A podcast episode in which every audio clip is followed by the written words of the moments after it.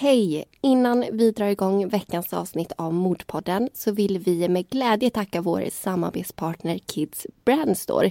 De är en av Nordens största webbutiker med kvalitetskläder för ungdomar.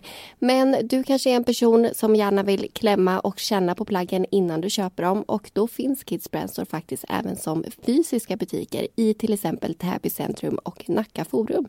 Deras sortiment består ju av många välkända märken som till exempel Tommy Hilfiger och eh, Peak Performance. Och jag tycker alltid att det är lite härligare att handla när man känner att man har gjort ett riktigt kap. Och det kan ju faktiskt du göra med hjälp av vår eh, rabattkod Mordpodden som ger dig 20% rabatt på ett helt köp. Men innan du shoppar så hoppas vi att du vill lyssna på veckans avsnitt av Mordpodden, för det börjar nu.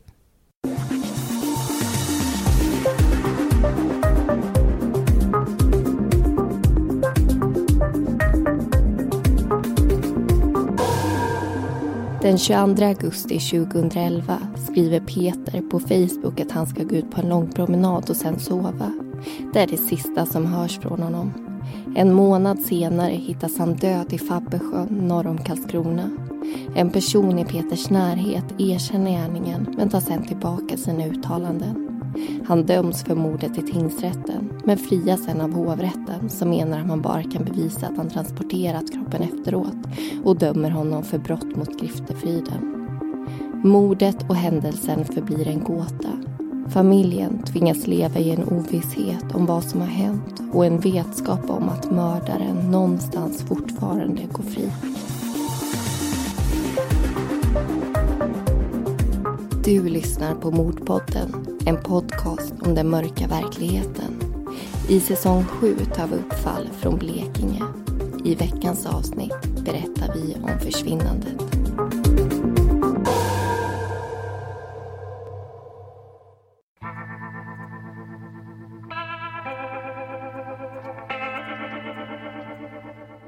Föreställ dig att det värsta som kan hända händer att en nära vän eller familjemedlem tas ifrån dig på det mest brutala vis. Döden är så brutal, så total och så svår att acceptera. Att det handlar om ett mord tar det till en nivå som inte ens går att beskriva om man inte själv har varit med om det. Föreställ dig att ingen person straffas för det som hänt. Någonstans på gatorna går mördaren fri medan din älskade aldrig får ta ett enda steg mer. Det här är tankar som ingen människa vill ta till sig men som Peters anhöriga tvingas möta och hantera varenda dag. Det här är Peters historia som vi berättar om honom och för honom. Året är 2011. Peter är 23 år gammal. Han har alltid varit en kärleksfull person som önskar alla i sin omgivning det allra bästa. Redan som liten syntes hans goda hjärta. Han ville alltid hjälpa till hemma och var den där storebrorsan som många drömmer om. Förutom för sin familj har Peters hjärta alltid bultat lite extra för motorer, framför allt lastbilar. Efter tre år på fordonsprogrammet fick han äntligen sätta sig i förarhytten. Han jobbade som lastbilschaufför ett tag inom olika företag men gick sen över till färdtjänst. Han såg det som en unik möjlighet att kunna kombinera sin hjälpsamma sida med körglädjen. Samtidigt som han satt bakom ratten fick han också hjälpa gamla och sjuka. För Peter så är det insidan som räknas. Vad han har på sig det är lika oviktigt som vad grannen äter till middag. Han slänger på sig det han känner för för dagen. Byxorna sitter ofta uppe vid naven och kanske småretade mordmedvetna. Men det är också det som är hans charm. Han är energikällan i familjen och den som får dem att hålla ihop. På jobbet är Peter arbetsam och alltid mån om att göra sitt bästa. Det uppskattas inte bara av hans kollegor utan även av kunderna som beskriver honom som glad och hjälpsam. Han är en person man kan lita på helt enkelt. Han kommer alltid till jobbet, till och med om han är sjuk. Därför blir kollegorna förbryllade när han inte dyker upp till sin morgonkörning den 23 augusti. Chaufförerna som har morgonkörningarna brukar normalt sett ringa in till växeln kvällen innan för att stämma av sina turer. De som ringer in bockas av på en lista. Peter är förbockad på dagens lista. Han hade alltså ringt in kvällen innan och förberett sig för dagens pass. Men när kvinnan i växeln nu på morgonen ska skicka ut körningarna till Peters bil så går det inte. Hans utrustning verkar inte vara igång. Kvinnan försöker ringa till Peters jobbtelefon för att höra vad det är som pågår. Men hon möts bara av Eurovoicen. Hon ringer då till Peters chef, Niklas, och informerar om situationen. Hennes första tanke är att Peter måste ha försovit sig. Men när hon tänker efter så har det aldrig hänt. Trots att han jobbat två morgonpass i veckan på det schemat hon har. Chefen Niklas försöker även han få tag i Peter. Men lyckas inte han heller. Jobbtelefonen är avstängd och på hans privata fortsätter de entoniga och irriterande signalerna utan att avbrytas av Peters stämma. Efter sin egen morgonkörning åker chefen Niklas hem till Peter. Peters buss står parkerad utanför på en 15 minuters parkering. Eftersom centrallåset på bussen är sönder så måste sidodörrarna låsas manuellt. Men när Niklas känner på dörren upptäcker han att den är olåst. Chefen går upp till Peters lägenhet och ringer på. Ingen öppnar. När han står där utanför den stängda dörren provar han att ringa Peters telefon igen. Signalerna går fram och han kan höra ringsignalen som spelar inne i lägenheten. Han tittar in i brevinkastet och ropar, men får inget svar. Niklas försöker ringa till Peters pappa, men får inget svar där heller. Han luskar istället fram telefonnumret till hans lillebror som svarar.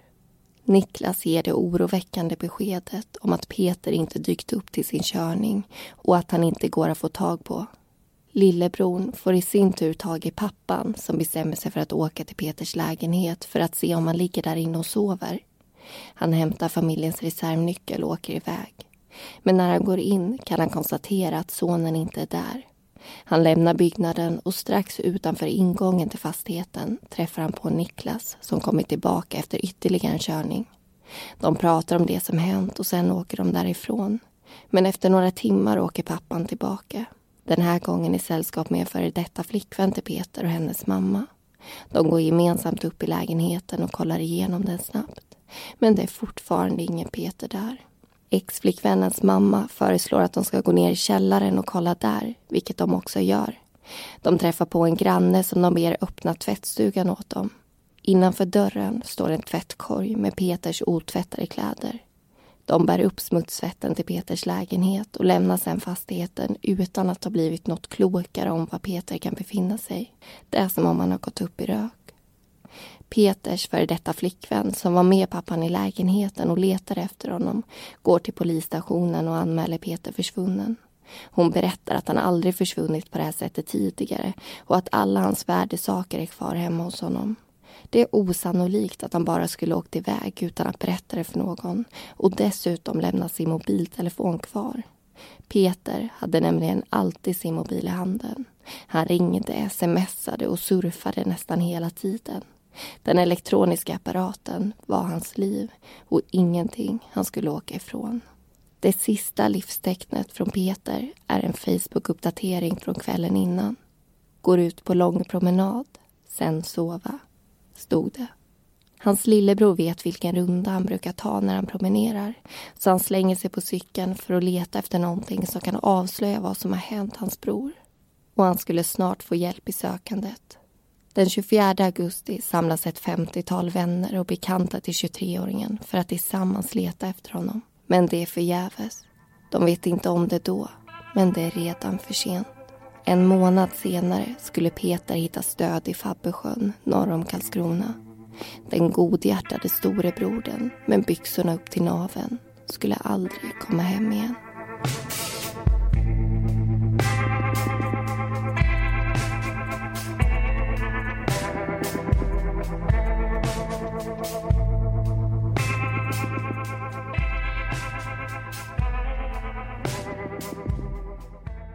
Där hörde du precis den första delen försvinnandet.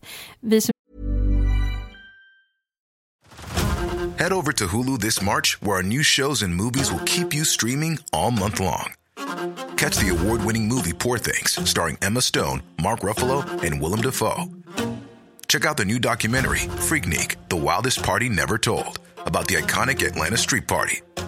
And don't miss FX's Shogun a reimagining of the epic tale starring Anna Sawai. So, What are you waiting for? Go stream something new on Hulu. Millions of people have lost weight with personalized plans from Noom, like Evan, who can't stand salads and still lost 50 pounds. Salads, generally, for most people, are the easy button, right? For me, that wasn't an option. I never really was a salad guy. That's just not who I am. But Noom worked for me. Get your personalized plan today at Noom.com. Real Noom user compensated to provide their story. In four weeks, the typical Noom user can expect to lose one to two pounds per week. Individual results may vary. Jag gör på din heter Linnea och Amanda och vi kommer precis som vanligt att hoppa in och eh, diskutera det här fallet. Ja, och den här gången tänkte vi snöa in oss på försvinnanden för det är ju faktiskt vad det här avsnittet är döpt till. Vi ska bland annat prata om hur polisen jobbar med den här typen av ärenden. Och det finns många intressanta artiklar om det här ämnet så vi tänkte gå igenom några av dem som vi har hittat. Men först så ska det handla om sociala medier. Jag tror att de flesta någon gång när de scrollat igenom sitt Facebookflöde där på kvällen innan man ska sova har fått upp en bild på en person och en text där det står att den här personen är försvunnen och att man nu vill ha hjälp att sprida det här inlägget så att det till slut då ska nå fram till någon som kan hjälpa till att berätta var han eller hon är någonstans. Och första tanken är såklart att man vill göra vad man kan för att hjälpa till. Men faktum är att delningarna kan få negativa konsekvenser som man kanske inte tänker på när man sitter där och scrollar. Och vi ska säga att undantaget i det här det är inlägg som kommer direkt ifrån polisen eller ifrån Missing People som eh, i sin tur samarbetar med just polisen. Så det här handlar om privata inlägg och det handlar om inlägg från andra sidor än just de här två. Tidningen Metro de har publicerat en artikel som heter just Därför ska du aldrig dela efterlysningar på sociala medier. Där i så står det att polisen råder att man inte ska reagera på de här inläggen överhuvudtaget. Man ska alltså varken gilla, man ska inte dela heller eller kommentera inläggen. Och även om tanken med de här reaktionerna är god så finns det en anledning till det här och det är att personen som har skapat inlägget, de kan ha en helt annan agenda än det man faktiskt tror att de har. Och i värsta fall så kan det vara en våldsbenägen person som sitter och faktiskt letar efter någon som lever med en dold identitet för att inte bli hittad. Och även om människor delar det här inlägget i tron om att de gör någonting bra så kan det i själva verket resultera i att gärningspersonen hittar sitt offer. Så vad ska man göra då kan man fråga sig om det nu dyker upp en efterlysning på en person i flödet och man kanske vet någonting som kan vara till hjälp. I den här artikeln så står det att det bästa är att alltid vända sig till polisen och inte till en privatperson. Om det nu är en person som faktiskt är borta på riktigt så kommer polisen känna till det här och kunna se till att den här informationen som man delar med sig av tas om hand på bästa sätt. Sen är det också viktigt att komma ihåg att visa respekt för den saknades vänner och för deras familj. Så inte börja spekulera kring vad som har hänt i kommentarsfältet. Det är ett absolut nej. Och inte heller skriva någonting orelevant som eh, ja, men vad man tycker om personens kläder eller utseende. För det är helt onödigt och kan inte hjälpa till på något sätt utan är bara respektlöst. Och I den här artikeln så tas det även upp ett par exempel där människor blivit falskt efterlysta och drabbats av det. Bland annat så fick ett inlägg tusentals delningar där en man publicerade en bild på sina barn och sa att han behövde hjälp att hitta dem. Men i själva verket så hade mamman flytt från den här mannen och levde under skyddad identitet. Men det här inlägget det sågs av en person som kunde berätta för den här mannen var barnen fanns någonstans tillsammans med sin mamma.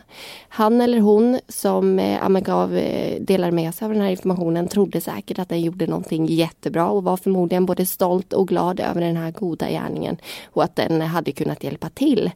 Men istället så ledde det här till att eh, den här kvinnan tvingades flytta in på en eh, kvinnojour. Så det kan ju som sagt få väldigt stora konsekvenser.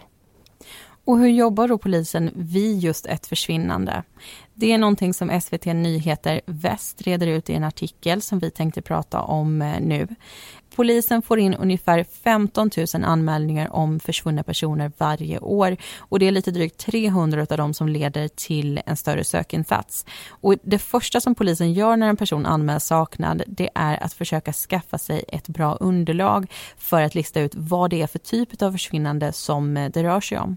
Man vill förstås försöka förstå om det kan finnas någon logisk förklaring till att personen är borta eller om det kanske finns några omständigheter som tyder på att han eller hon har försvunnit frivilligt. Och för att skapa sig det här underlaget så pratar man såklart med personer som står den här människan nära. Och man frågar bland annat om det finns någon sjukdom med i bilden, vad personen hade på sig när den försvann, om den är punktlig av sig och om de tror att det finns en möjlighet att den här personen försvunnit av fri vilja till exempel exempel. Och på polisens hemsida så skriver de om en arbetsmetod som används som heter MSO. En förkortning utav Managing Search Operations. Och det här är en metod som har utvecklats i Storbritannien och i Nordamerika. Och om vi har förstått det här rätt så går den ut på att man i ett första skede snabbt söker igenom ett område med hjälp utav hundpatruller och orienterare istället för att använda sig utav skallgångskedjor. De här skallgångskedjorna de är väldigt, väldigt noggranna men de är också lite långsammare så hittar man inte det man söker i det här första skedet då tar man hjälp utav de traditionella skallgångskedjorna i nästa skede. Och till tidningen Sesam så hade en person skickat in en fråga som rör det här ämnet och som var ganska intressant. Den undrar nämligen vad som händer om en person har försvunnit och varit borta i flera år. Kan man ansöka om att få personen dödförklarad och vad händer i så fall om personen helt plötsligt skulle komma tillbaka? Enligt den här artikeln så finns det olika regler beroende på hur lång tid det har gått sedan personen försvann. Men det finns totalt sett fyra stycken alternativ. I det första exemplet så är personen försvunnen men man vet om att personen är död. Den kanske till exempel fanns med på en lista med personer som befann sig på en båt som sjönk. Och då behöver inte släktingar vänta utan de kan ansöka om dödförklaring direkt. Det andra exemplet påminner om det första. Då är det inte helt säkert att personen är död men en mycket hög grad av sannolikhet för att det skulle vara så. Personen kanske till exempel har försvunnit vid en stor olycka eller naturkatastrof. Och för att den här personen ska kunna dödförklaras måste Skatteverket först sätta in en annons i tidningar där det står att alla som vet något om personen ska höra av sig till Skatteverket. Sen måste man vänta minst två månader för att se om någon hör av sig. Men gör ingen det så blir personen dödförklarad. Och i de två sista fallen så måste släktingarna vänta ett tag med att ansöka om en dödförklaring. Om det bara finns en hög grad av sannolikhet att personen är död så måste de vänta i minst ett år. Och om det skulle vara så att en person har varit borta i minst fem år utan att någon har en aning om vad det är som har hänt, då ställer man inte heller lika höga krav på bevis på att personen faktiskt är död. Men det måste finnas en grund för att man ska tro att personen är det för att man ska kunna just dödförklara den. Och om det nu skulle vara så att en försvunnen person först dödförklaras men sen kommer tillbaka och det visar sig att den kanske hade försvunnit och hållit sig borta av fri vilja så kan Skatteverket ta tillbaka dödförklaringen. Men först så måste personen kunna identifiera sig och någon form av utredning måste också göras. Men eh, nu tycker jag att vi släpper alla exempel och vi fokuserar på försvinnandet i dagens avsnitt.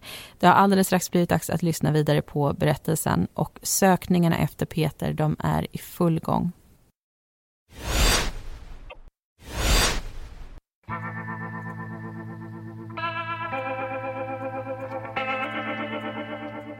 Polisen genomför dörrknackning i Peters bostadsområde men ingen har hört eller sett någonting som kan kopplas till den aktuella händelsen. Den 26 augusti får polisen in uppgifter som tyder på att det inte handlar om ett vanligt försvinnande utan att ett brott har begåtts. Utredningen rubriceras om till människorov. Under flera veckor arbetar polisen med att både försöka ringa in den eller de som kan ha legat bakom det eventuella dådet och även ta reda på vad Peter är och vad som kan ha hänt honom. Snart blir framförallt en person intressant i utredningen. En vän till Peter, som vi har valt att kalla för Frank. Det visade sig att han hade ett möjligt motiv för att vilja Peter illa. 2010 hade vännerna köpt en båt tillsammans av Peters pappa för 15 000 kronor. Medan Peter skötte sin återbetalning av skulden till pappan ska hela året ha gått utan att Frank betalade tillbaka sin del. I juni 2011 ska han ha betalat 1000 kronor. Därefter skedde en betalning på 2500 kronor den 23 augusti, dagen efter att Peter försvann. Men det är inte den enda skulden Frank har med en koppling till den försvunna 23-åringen. Förra sommaren hade Peter köpt en motorcykel till sin vän för att han tyckte att han behövde ett fordon som var billig i drift. För att finansiera den tog Peter ett lån på 130 000 kronor i sitt namn. Överenskommelsen ska ha varit att Frank skulle betala Peter 2 000 kronor varje månad.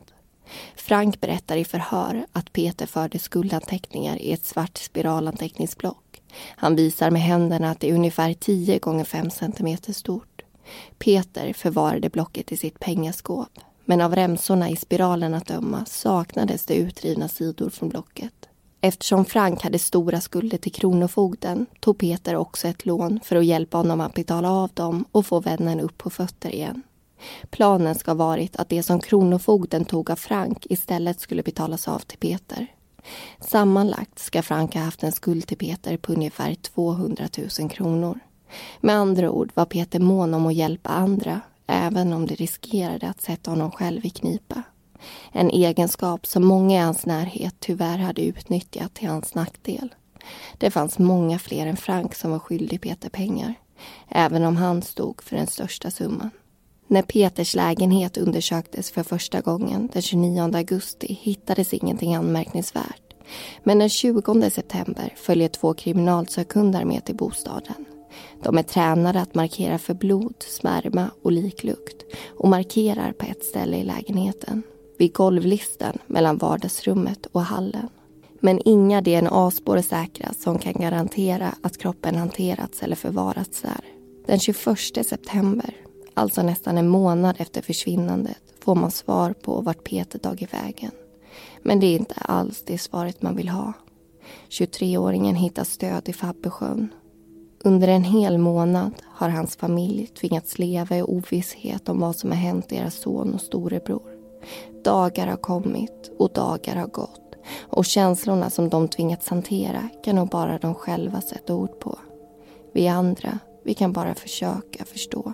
Och det enda vi kan vara säkra på det är att det måste ha gjort ont. Fruktansvärt ont. När Peter hittas är han endast klädd i svarta boxerkalsonger och svarta strumpor. Strumporna är delvis neddragna och hälarna blottade. Huden på framsidan av Peters hals pryds av två parallellöpande långsmala rödaktiga missfärgningar. Men rättsläkaren lyckas inte avgöra om de orsakats av att föremål dragits åt kring halsen medan han levde eller uppkommit efter döden. Den rättsmedicinska obduktionen lämnar många frågetecken. Det går inte att fastställa dödsorsaken men eftersom man inte kan hitta några sjukliga förändringar såsom åderförkalkning eller tumörsjukdom vid undersökningen som kan förklara dödsfallet och det faktum att Peter bara var 23 år och hittas avklädd i en sjö talar omständigheterna starkt för att han har blivit berövad livet. Dagen innan hade Frank anhållits misstänkt för människorov men nu är han istället misstänkt för mord. Han har hittills sagt att han inte har någonting med sin väns försvinnande att göra men när han får reda på att man har hittat Peters kropp erkänner han att han har mördat honom och hanterat kroppen efteråt. Samma dag som kroppen hittas undersöks området vid Fabbesjön. Kriminalsökhundarna markerar i en av båtarna med åror som ligger vid strandkanten. En av dessa hundar är tränad att bara markera för liklukt. I båten finns blodspår men några DNA-spår kan varken säkras från båten eller på den presenning som anträffas vid båtplatsen. Franks bil undersöks också. Där hittas spår av blod på flera ställen. Bland annat på gummimattan i bagageutrymmet. När det kommer till själva kroppen avslöjar den inte så mycket som man kanske kan hoppas. Det är svårt att få fram DNA-spår eftersom den har legat utomhus och i vatten i nästan en månad. Och det visar sig att kroppen inte bara varit i Fabbesjön utan även i en avloppsbrunn med bakterier och svamp som bryter ner DNA snabbt.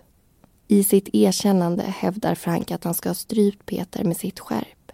Men på livremmen som han har på sig under förundersökningen och påstår sig ha använt hittas inte ens spår av hans eget DNA. Det har heller inte några speciella slitningar. Polisen har minst sagt en svår nöt att knäcka.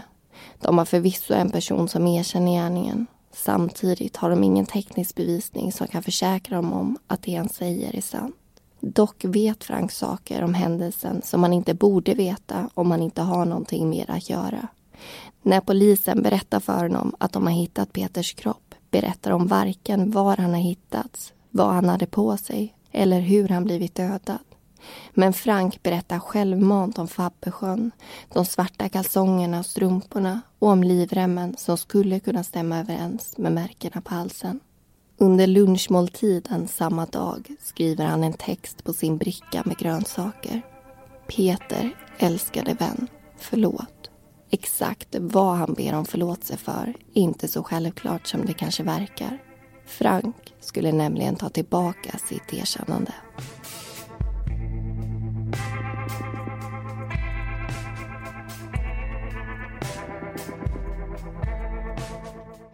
Du lyssnar på Mordpodden. I säsong 7 tar vi upp fall från Blekinge.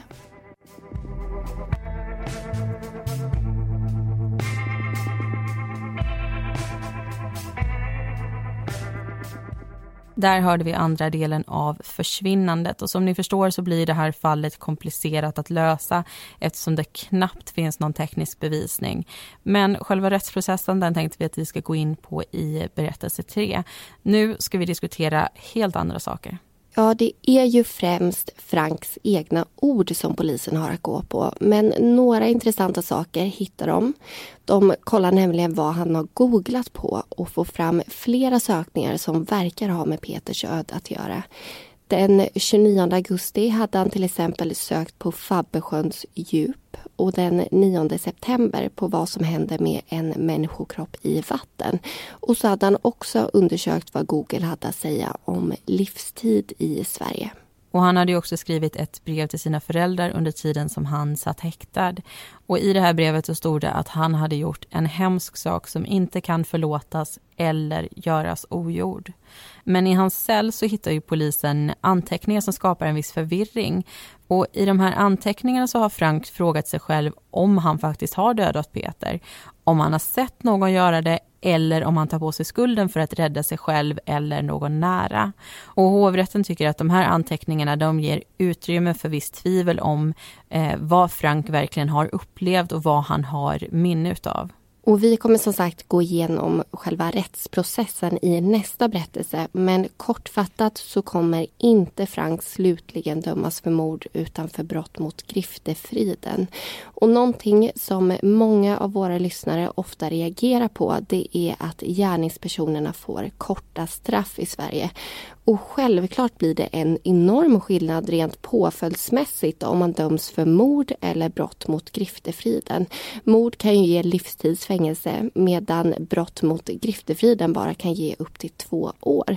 Men i Danmark till exempel, det här var något som förvånade mig, men där så är straffet ännu lägre. Där kan du bara få sex månaders fängelse för brott mot griftefriden. Och det här har ju då tagits upp i medierna efter Kim Wall-fallet. Men vi ska inte gå över och prata om det fallet utan vi ska fokusera på dagens fall. Och vi kan ju sitta här och prata om hur hemskt det är att en ung person som Peter går bort på det här viset och att det är fruktansvärt att ingen faktiskt tar ansvar för det som har hänt. Men vi ser ju samtidigt det här med utomstående ögon och vi tänker och vi känner utifrån just det. Och vi kan ju försöka föreställa oss den här smärtan och den här ilskan och den här saknaden som familjen faktiskt känner. Men i själva verket så är det ju bara de som vet hur det känns. Och tyvärr så är det ju mycket i det här fallet som också går emot just den här familjen. Ja, att eh, förlora en son eller en bror, det är ju en obeskrivlig smärta i sig. Men det här är så mycket mer än så. Först tvingas de leva i den här ovissheten om vad som har hänt och vad han kan vara. Och sen mm. får de det här fruktansvärda beskedet att han blivit mördad. Och sen tror de förmodligen att de får något slags avslut när en person döms för mordet i tingsrätten och de ska även få ett skadestånd. Men sen tar den här mardrömmen alltså fart igen och de får veta att det här åtalet om mord och skadeståndet ogillas.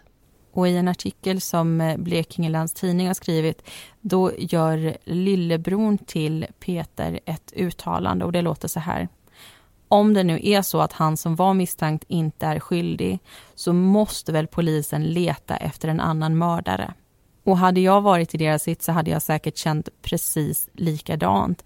För om det nu inte går att bevisa att den misstänkte är gärningsmannen och det finns en möjlighet att någon annan kan ha varit det, då måste ju utredningen fortsätta att leta efter den personen istället.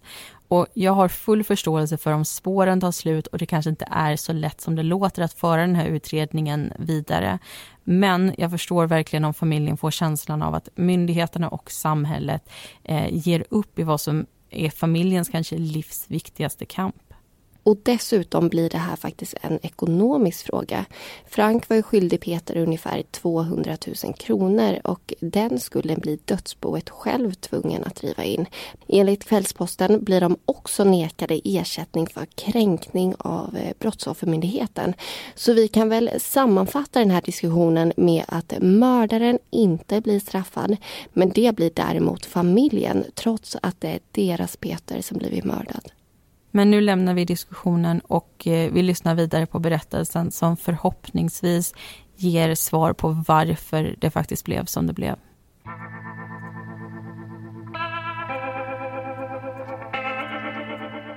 När Frank erkänner mordet berättar han att han hade åkt hem till Peter och att det hade uppstått en diskussion mellan dem. Frank hade blivit arg och tagit livet av sin vän med hjälp av sitt svarta skärp. Efteråt hade han svept in kroppen i ett blått påslakan på golvet mellan vardagsrummet och hallen.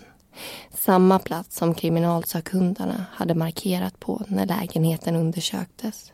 Innan han lämnade bostaden hade han stulit pengar från pengaskåpet. Han hävdar också att han hade loggat in på Peters Facebook-sida och skrivit inlägget om att Peter skulle ut på promenad. Frank berättar att han sen hade forslat ner kroppen till sin mammas bil i en vit tvättkorg. Han körde hem med kroppen liggandes i bagageutrymmet på bilen. Frank menar att han hade berättat det här för sin bror, vilket brodern också intygar. Han la sen vännens kropp intill en båt på tomten och klippte av kläderna som han eldade upp tillsammans med påslakandet. Men där fick den inte ligga kvar länge. Frank kom nämligen på idén att stoppa ner kroppen i avloppsbrunnen på gården. Men inte heller där fick den vara kvar. Frank flyttade på den ännu en gång. Han försökte använda en boxerlina men den flöt på vattnet och ville inte alls samarbeta med honom. Men med hjälp av en annan taktik fick han upp kroppen och transporterade den vidare till Fabbesjön. Frank tog en roddbåt som låg vid sjökanten och rodde ut på vattnet. När han skulle häva kroppen över bord var båten nära på att kantra. Men Frank lyckades återfå kontroll på situationen och rodde därifrån. I vattnet låg Peter som skulle hittas nästan en månad senare. I mitten av december ska Frank genomgå en rättspsykiatrisk undersökning men det förutsätter att han erkänner gärningen. Och nu berättar Frank en helt annan historia. Han tar tillbaka sitt erkännande av mordet och berättar att två andra personer befann sig i Peters lägenhet när han kom dit. Det var de som hade mördat Peter och Frank hade inte kunnat hindra det eftersom de hade riktat en pistol mot honom. De hade sen sagt att de skulle göra hans bror illa om han inte tog hand om Peters kropp. Men några veckor senare tar Frank tillbaka sina uppgifter om att andra personer skulle ha varit inblandade i vännens död och försvinnande och erkänner återigen att det var han som hade begått mordet och hanterat kroppen efteråt. Den 5 mars 2012 åtalas Frank för mordet men inför huvudförhandlingen i Blekinge tingsrätt ändrar sig Frank en gång till.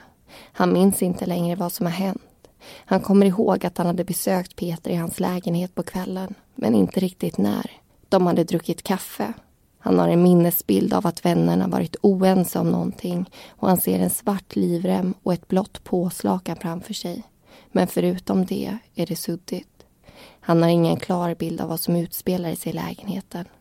Han vet inte om de hade varit ensamma eller om fler personer hade befunnit sig där.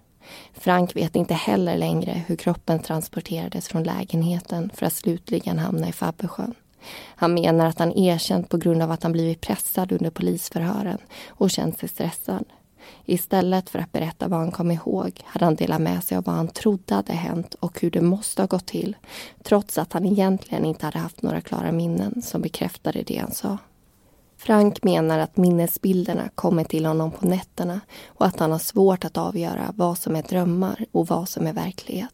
Han säger att han aldrig haft tankar på att ta Peters liv men att man nästan säger vad som helst när man blir så pressad som han menar att han blev under polisförhören. Med andra ord varken erkänner eller förnekar Frank gärningen under huvudförhandlingen. Men tingsrätten anser att den berättelse som han lämnade den 21 september är lång, levande, logisk och rik på detaljer. Och klockan 14 den 16 april 2012 meddelade de sin dom.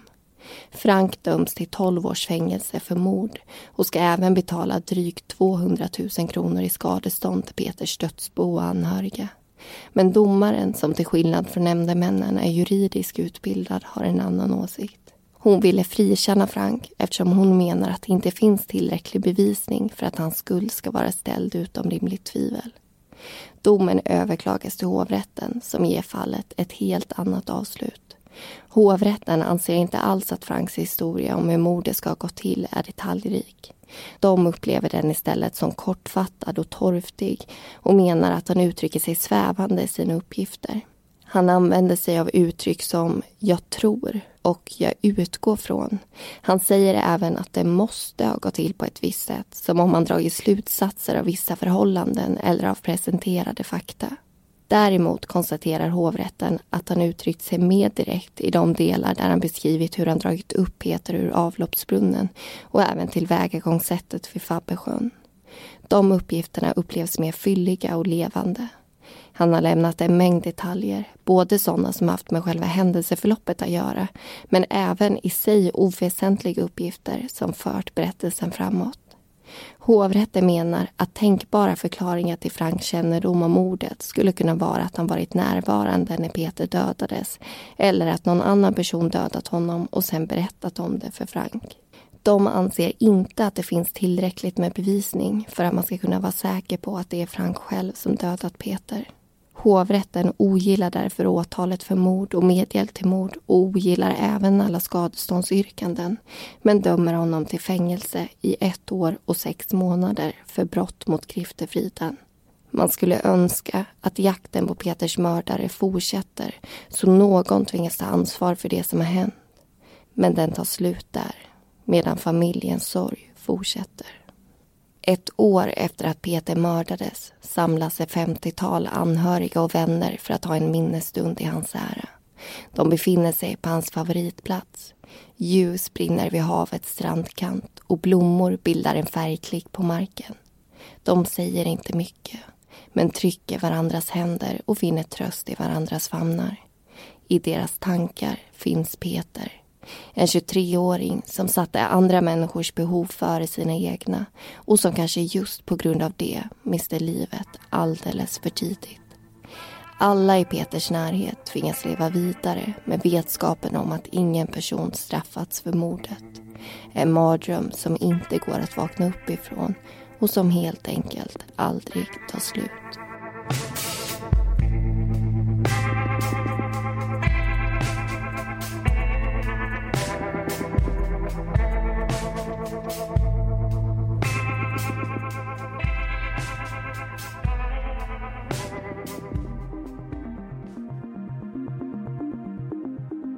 Tack för att du har lyssnat på Försvinnandet.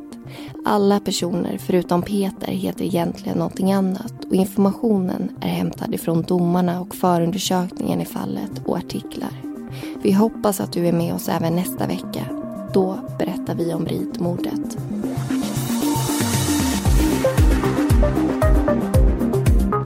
Du har lyssnat på Mordpodden. Vi som har producerat den heter Amanda Karlsson och Linnea Bolin.